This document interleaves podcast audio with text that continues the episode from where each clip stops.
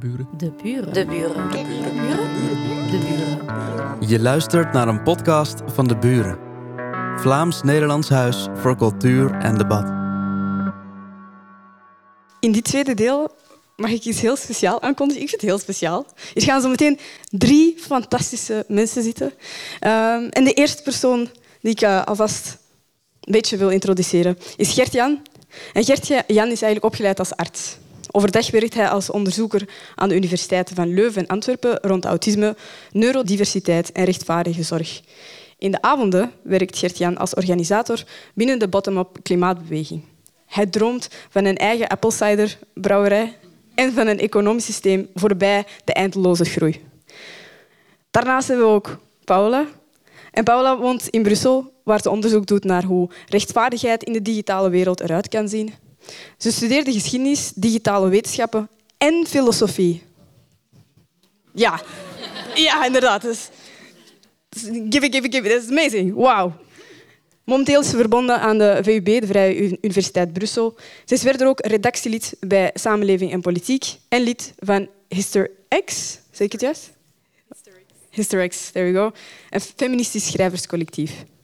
En de laatste persoon van dit trio is Maud. En Maud die is elke dag bezig met mensenrechten. Tijdens de werkuren als campagnecoördinator bij de Liga voor Mensenrechten. En in haar vrije tijd zet ze zich in voor de strijd voor seksuele en reproductieve gezondheid en rechten.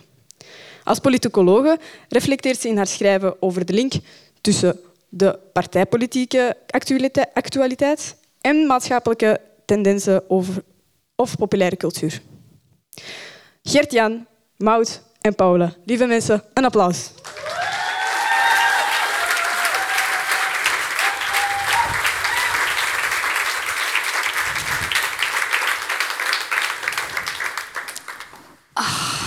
Paula, Gertjan, mag ik eventjes ranten? Toen ik thuis kwam van onze meetup in Le Brasseur, was, was ik weer eens verzeild geraakt in een eindeloze Instagram-scrollsessie. Jullie begrijpen wat ik bedoel. Normaal gezien helpt dat me om in slaap te vallen, maar plots was ik klaar wakker, al zuchtend gestopt bij een video die ik al oogrollend opnieuw herbekeek. Ik schets even de context. Of ja, zoveel context ik kan geven aan een video van 30 seconden. Paris Hilton, de Y2K-celeb die terug is van Nooit Weg geweest, zit naast YouTube-ster Bradman Rock. Een even extravagant persoon als Paris, maar eerder een symbool voor de generatie na haar. Hij vraagt Paris om trends te beoordelen als smooth or not smooth. En met de serieus van een to be or not to be vraag somt Bradman een aantal Nilly's classics op. Butterfly clips, low-rise jeans. Ik volg met plezier de reeks vervlogen beauty trends tot plots klimaatverandering aan bod komt. Wat Paris natuurlijk bestempelde als really not smooth. Was dat nu nodig? Was dat nu nodig om hier klimaatverandering bij te betrekken? Daar lag ik dan in mijn bed om 12 uur s'nachts me druk te maken over een video van 30 seconden. Ten eerste, het past totaal niet in dat rijtje, klimaatverandering. Verder is het ook niet iets wat ik zou beschrijven met smooth or not smooth, of eigenlijk eender welk gerelateerd bijvoeglijk naamwoord. En nadien werd moeiteloos weer overgeschakeld naar de volgende relatable trend van de Nillies, namelijk de flipphone. Want ja, we willen de aandacht trekken van Gen Z, maar het ook niet te heftig maken. Hè? En als kers op de taart bleek de video gesponsord te zijn door een online betaalsysteem dat het shoplandschap wil veroveren. Zoveel mogelijk online betalingen en dus de fast fashion cultuur die daarmee gepaard gaat, samen met klimaatverandering in een video. Zo hypocriet. Hoe meer ik erover nadenk, hoe meer ik deze video zo typerend vind voor hoe we tegenwoordig omgaan met de klimaatstrijd binnen de mainstream cultuur. Iedereen kent Greta Thunberg nu wel al en die video's van die uitgemergelde ijsberen zijn ook niet meer zo even chockerend. Het klimaatthema heeft zijn ingang gevonden in de, in de populaire cultuur. Maar in een algemene soort van, kijk, ik ben wel bezig met, het, met de wereld. Hè? De retoriek van de klimaatstrijd en het besef van de urgentie wordt makkelijk overgenomen, maar dit zonder actie. Oppervlakkiger en meer apolitiek wordt het niet. Het toont hoe wij als zelfverklaarde klimaatbewuste westerse witte mensen toch wel ver staan van wat die klimaatverandering nu eigenlijk betekent. Daarna vroeg ik mezelf af, ben ik nu niet heel erg cynisch geworden? Of heb ik wel degelijk een punt? Ik kan dit filmpje letterlijk gewoon wegscrollen en me er helemaal niet zo druk om, maken. Want ik moet zeggen, dit is wel nog oké in vergelijking met bijvoorbeeld de Europese Unie die de pauzeknop indrukt voor nieuwe klimaatmaatregelen. Maar het blijft toch kleven aan me. Kan ik dan niets meer tof vinden? Paula, Gert, please, voelen jullie dit ook? Is dit herkenbaar? Verwarde groetjes.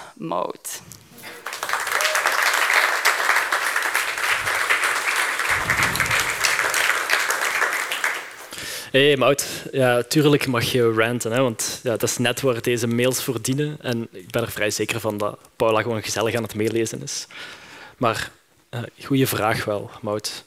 Word ik cynisch? Ben ik echt zo'n persoon die niks banaals, van niks banaals meer kan genieten omdat de wereld in brand staat? Ik herken het in elk geval wel. En weet je nog, begin juli bezette ik met een paar honderd andere klimaatactivisten van Code Rood een bouwsite in de buurt van Luik. Engie Electrabel bouwt daar met ons belastingsgeld, by the way, een gloednieuwe fossiele gascentrale. En het was heet. Niet alleen in België, maar wereldwijd.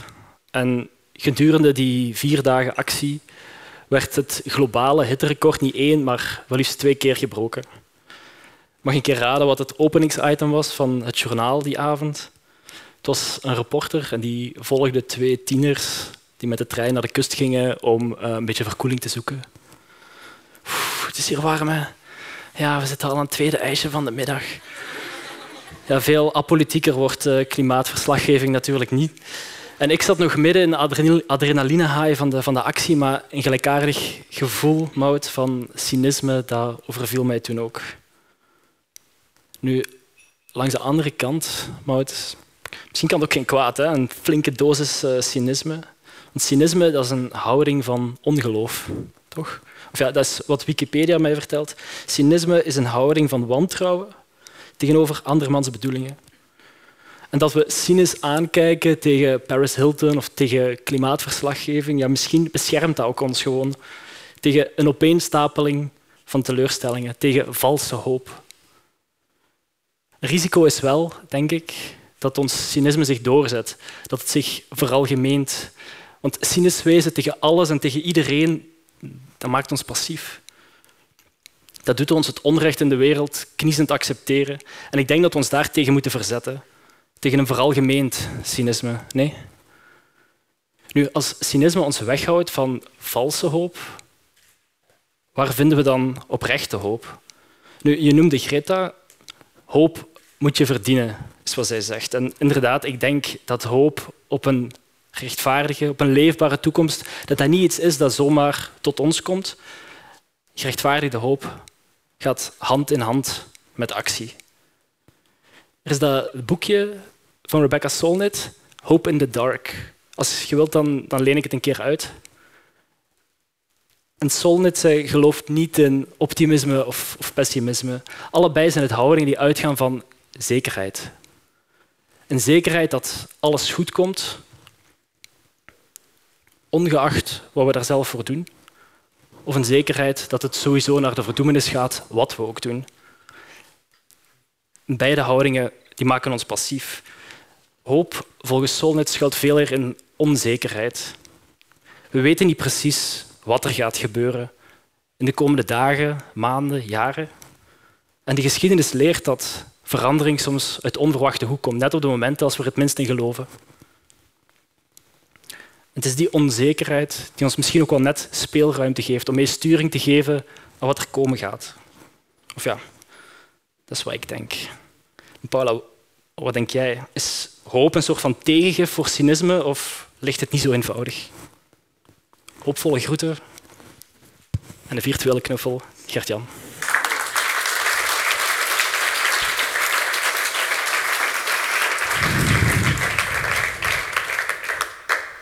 Lieve Mout, lieve Gert-Jan. Wanneer zou ik ooit nee zeggen tegen een rant van jou? Je vraagt je in je brief af, Mout. Ben ik cynisch of heb ik een punt? Maar spreken deze twee zaken elkaar wel tegen? Naar aanleiding van je brief moest ik denken aan alle keren dat mensen mij cynisch hebben genoemd. Het is de typische reactie die ik krijg als ik me negatief uitlaat over weer een lumineus idee van weer een techbro die denkt dat technologie de wereld zal redden. Het gaat dan om ideeën zoals blockchain is de oplossing voor hongersnood. Bewakingscamera's met gezichtsherkenning zullen ons bevrijden van straatcriminaliteit. Ruimtetoerisme is de weg van de toekomst. Niemand, maar echt niemand, zou moeten investeren in het bouwen van een toeristisch ruimtehotel, zolang we de problemen op deze planeet niet onder controle hebben. In de woorden van deze bondgenoot, we literally just want healthcare.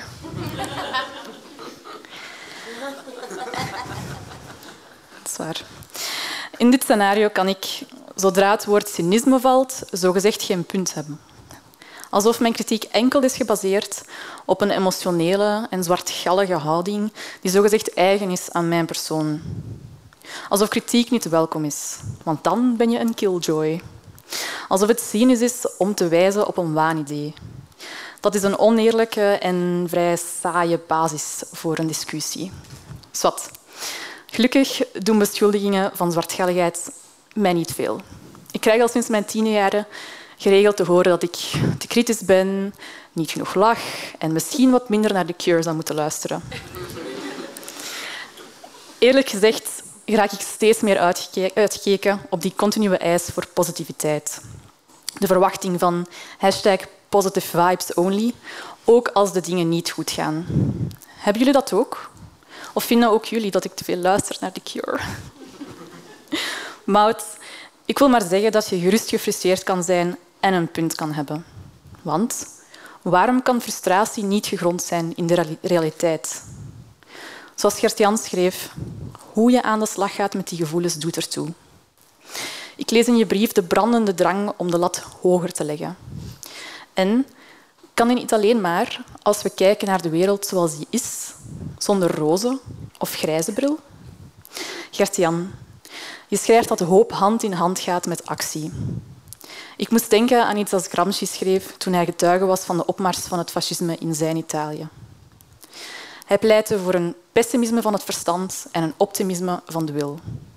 Een pessimisme waarmee we de realiteit eerlijk beschrijven, een optimisme dat geen positieve ingesteldheid is, maar wel een oprecht engagement om de realiteit te transformeren.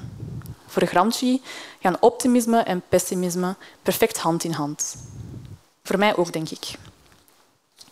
Het moeilijke aan hoop is dat je ervoor moet werken. Je moet het verdienen, schrijf je. Mariam Kaba, een Amerikaanse activiste, zei dat hoop een discipline is. Hoop is voor haar geen gevoel. Het is geen optimisme. Het is hard werk. Je moet er energie en tijd in steken. Je moet kunnen vasthouden aan je visie over de toekomst. Je moet geloven dat verandering mogelijk is. En bovenal, je moet volhouden. Easy peasy, right? Soms vind ik het moeilijk om me de toekomst voor te stellen die ik wel wil. Het is een gevoel dat ik ook herken bij andere mensen die zich inzetten voor digitale rechten. Het vergt zodanig veel werk om schadelijke digitale systemen te ontmantelen dat er weinig tijd rest om een technologische toekomst te schetsen die wel rechtvaardig is. Het is een vraagstuk waar ik al jaren mee worstel. Rua Benjamin, misschien wel mijn favoriete sociologe, schreef al in 2019 dat de verhalen die we brengen over digitale rechtvaardigheid bijna volledig zijn gericht op het ontmantelen van de obscene macht van big tech.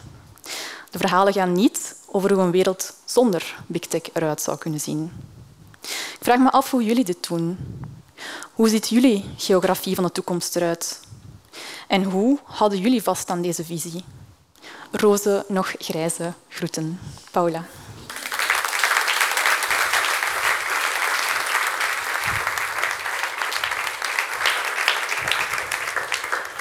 Hey Paula, ik uh, geloof dat uh, Mout een hele drukke week heeft en ze, ze, gaat vast wel weer verder antwoorden in het weekend. Maar, maar hoop als discipline, schrijf je, dat had ik eerder zo nog niet bekeken. Maar het idee van vast te houden aan een toekomstbeeld, aan een, aan een bestemming, hoe ver dat die ook staat van, van het nu, dat resoneert wel met mij. Ik zat vorige week in, uh, in twee meetings. Eentje met, de, met een belangrijke vakbond en een andere met een van de grootste Vlaamse milieu-NGO's. En mijn compagnons en ik we gaven wat toelichting bij een, bij een campagne die we in de Stijgers hebben staan.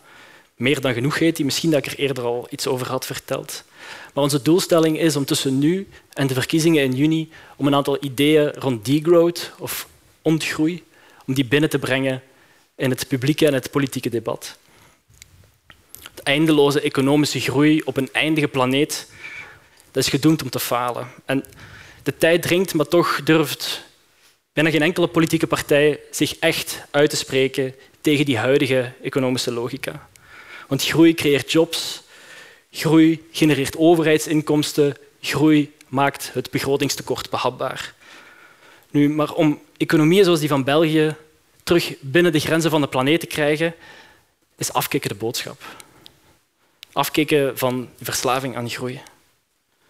Dus we presenteren aan die vakbond en aan die milieu-NGO ons manifest met een aantal recepten voor een economie met een kleinere voetafdruk. We hadden het over afdwingbare limieten op het energie- en het materiaalgebruik in specifieke sectoren. We hadden het over een groene jobgarantie, een kortere werkweek, over gratis openbaar vervoer, rechtvaardige belastingen en we hadden het zowaar over het bijdrukken van geld onder publieke controle. Nu, beide organisaties die reageerden best wel positief, maar Paula, zo twee opmerkingen zijn me wel bijgebleven. Zeker nu dat je Mout aan mij vraagt hoe dat we proberen vast te houden aan onze toekomstvisie. Want bij de Milieu-NGO zei iemand, ja, inhoudelijk staan we echt wel op dezelfde lijn, maar politiek is dit echt onhaalbaar. Als we ons kritisch uitlaten over economische groei, dan, ja, dan kunnen we echt niet meer gaan praten met de centrum of met de rechtse partijen. Bij de vakbond zei iemand, ha, jullie spreken over zo'n mooie toekomst waarin dat zorg centraal staat, waar het welzijn centraal staat. Maar met de staat van de wereld op dit moment ja, gaan we er dan niet sowieso per definitie allemaal op achteruit. Nu, ik besef dat ijveren voor zo'n grote economische omslag dat dat misschien best wel een utopische onderneming is. Maar toch wil ik vasthouden aan dat toekomstbeeld. En misschien wel vooral als een daad van verzet tegen dat anti-utopische verhaal van politieke haalbaarheid. Maar die tweede opmerking waar ik het over had, die brengt me wel meer aan het twijfelen. Want ik ben er zelf ook echt niet van overtuigd dat onze levens er per definitie beter gaan uitzien in de komende jaren. Ongeacht of we zo'n grote politieke omkeer kunnen klaarspelen. Maar de toekomst is geen alles of niks gegeven. En net nu de toekomst er niet per se rooskleurig uitziet, zijn utopieën zinvol, volgens mij, ongeacht of dat we ze bereiken. Ik zie politieke utopieën misschien wel als science fiction literatuur. Het zijn verhalen die gaan, die, of die zich afspelen in de toekomst, maar ze gaan niet zozeer over die toekomst. Meer dan iets anders zijn het kritieken op het nu, op het heden. En op die manier, Paula, rechtvaardig ik het ook al voor mezelf om vast te houden aan zo'n toekomstbeeld. Ook al is dat misschien wel geïdealiseerd. En niet omdat ik er stevast van overtuigd ben dat we daar ook gaan geraken, dat het haalbaar is, maar wel omdat zo'n toekomstbeeld dat dat keihard nodig is om in het nu onze verbeelding op te rekken en om de dingen anders en beter te doen. Wat denken jullie daarvan, Mout en Paulus? Zijn utopieën is dat een toonbeeld van naïviteit of kunnen ze de dingen net in beweging helpen zetten? Veel liefs, Gert-Jan.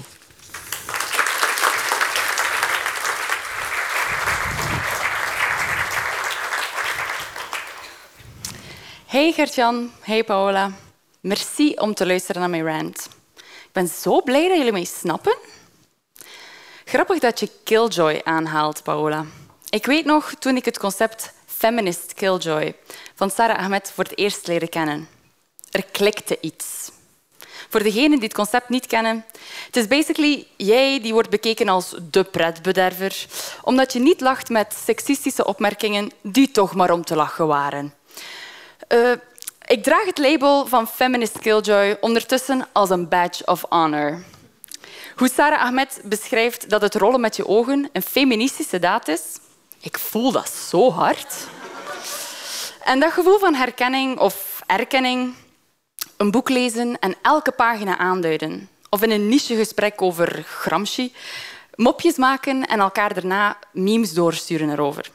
Je begrepen voelen is zo'n belangrijk deel van hoop?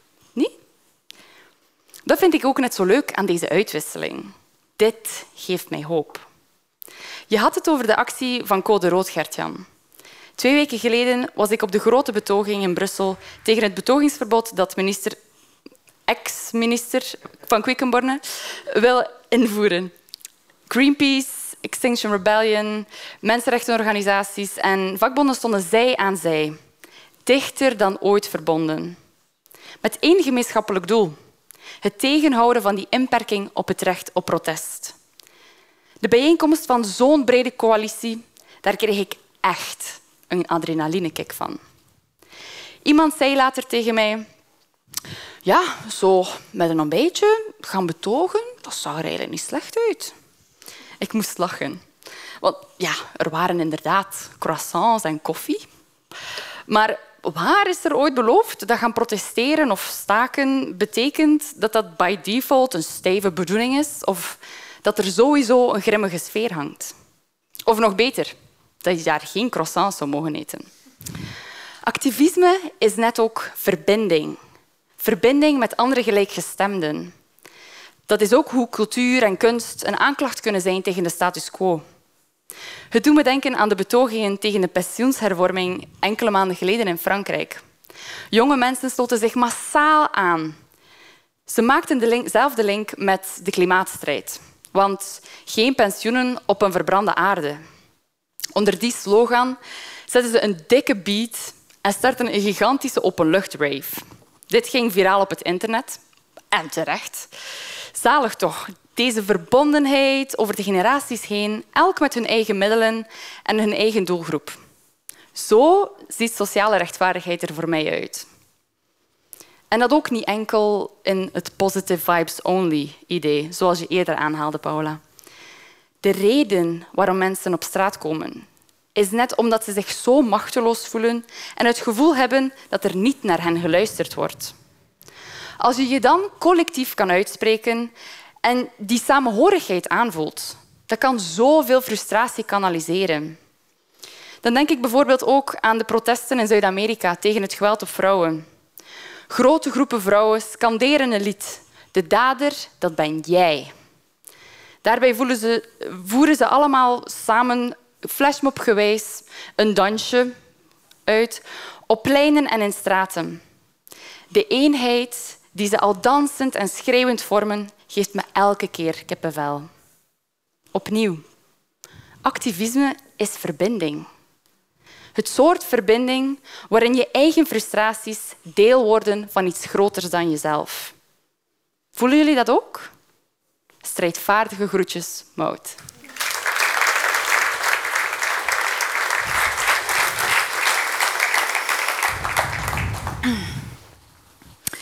Hey Gertjan, hey Mout. Mijn ideale wereld, en ik denk ook in die van jullie, zijn er croissants. Waarom zouden die er dan niet mogen zijn wanneer we pleiten voor die ideale wereld? Mout, je brief deed me denken aan het boek Pleasure Activism van Adrienne Marie Brown. Adrienne stelt in het boek dat vreugde net centraal hoort te staan in de strijd voor sociale rechtvaardigheid. Ze schrijft ook dat bewegingswerk een vorm van science fiction is. We geven namelijk een toekomst vorm waar we naar verlangen en die we nog niet hebben meegemaakt. Dat deed me dan weer denken aan jouw brief, Gertjan. Je schrijft dat utopieën zinvol, zinvol kunnen zijn. En ik denk dat ik het met je eens ben. Zicht op een toekomst, zelfs in die onhaalbaar is, kan richting en duidelijkheid bieden. Een utopie als remedie tegen myopie, zeg maar. Mout, ik moest denken aan de laatste keer dat ik me verbonden voelde met vreemden. Ik was niet op een betoging, maar ook hier was muziek de verbindende factor. Afgelopen zomer bevond ik me samen met duizenden andere, veelal jonge en queer mensen in een grote concertzaal waar we geduldig stonden te wachten op Bo Genius. Keulen was een van de vele haltes tijdens een tournee die ondertussen berucht is vanwege zijn tedere, plezierige, very gay vibes. Een recensie in Pitchfork beschreef de tournee als bevestigend, geil, leuk, boos, rustgevend en ja, soms emotioneel verwoestend. In de wereld van Boy Genius staat alles in het teken van toegankelijkheid. En dat was niet anders in Keulen. Zo zette het trio hun optreden meermaals stop om ervoor te zorgen dat de oververhitte menigte water zou krijgen. Tijdens een van deze pauze, pauzes vroeg Lucy Dekkes, een van de leden van de supergroep, zich af is dit niet veel beter dan vroeger, toen we maar moesten oprotten als we ons slecht voelden op een concert?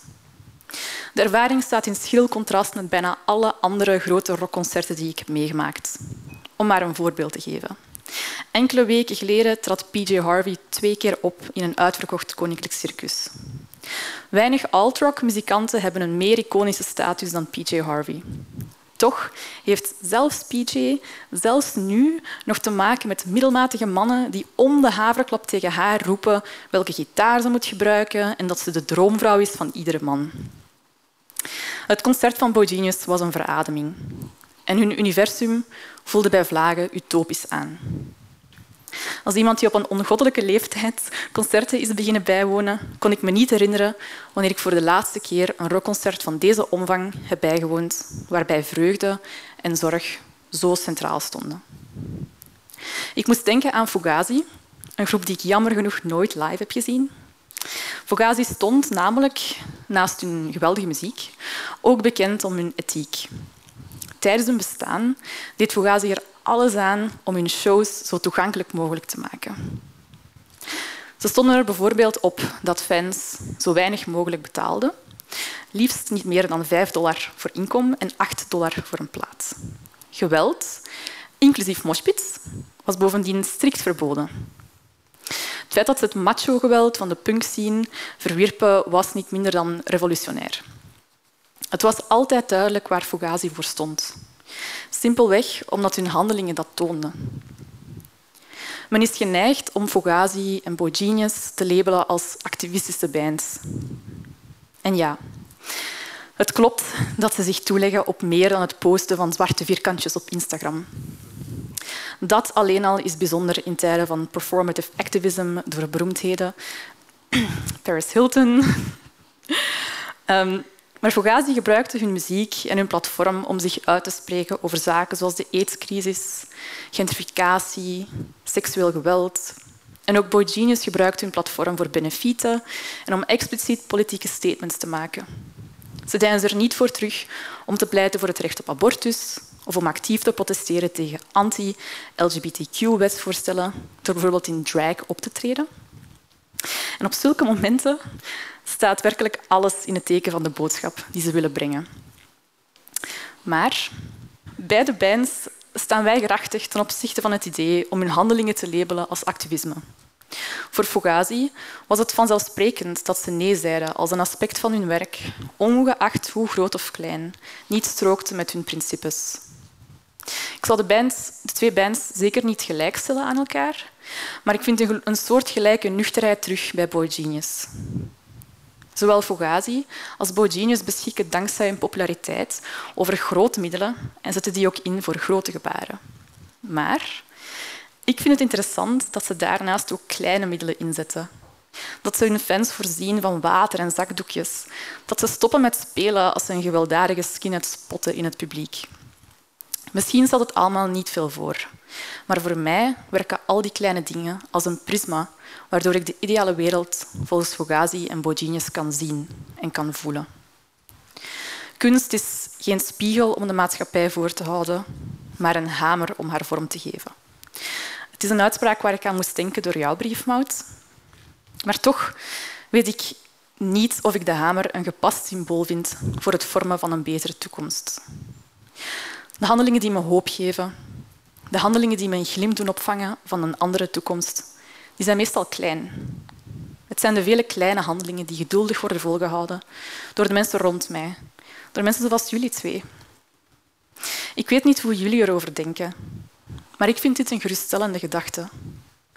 Als alle handelingen, hoe klein ze ook zijn, ons kunnen tonen hoe een betere toekomst eruit kan zien, zijn de mogelijkheden om actie te ondernemen eindeloos. Het is zoals Gloria Steinem zei. De toekomst hangt volledig af van wat ieder van ons elke dag doet. Een beweging bestaat tenslotte alleen maar uit mensen die bewegen. Sinds ik deze brief ben beginnen schrijven, lijkt een rechtvaardige toekomst verder dan ooit te liggen. Kleine en zelfs niet zo kleine handelingen hebben nog nooit zo nietig aangevoeld. Wat hebben we aan een bijtel tegenover onmetelijk grote wapens? Wapens die dag in dag uit worden gebruikt om geweld te plegen tegen het Palestijnse volk. En toch, toch zijn die bijtels al wat we hebben. En toch moeten we blijven hopen. En toch moeten we blijven werken. Dat heb ik van jullie geleerd. Wat zeggen jullie ervan als we hier verder over praten bij mij thuis? Ik zorg voor de croissants. Groetjes, Paula.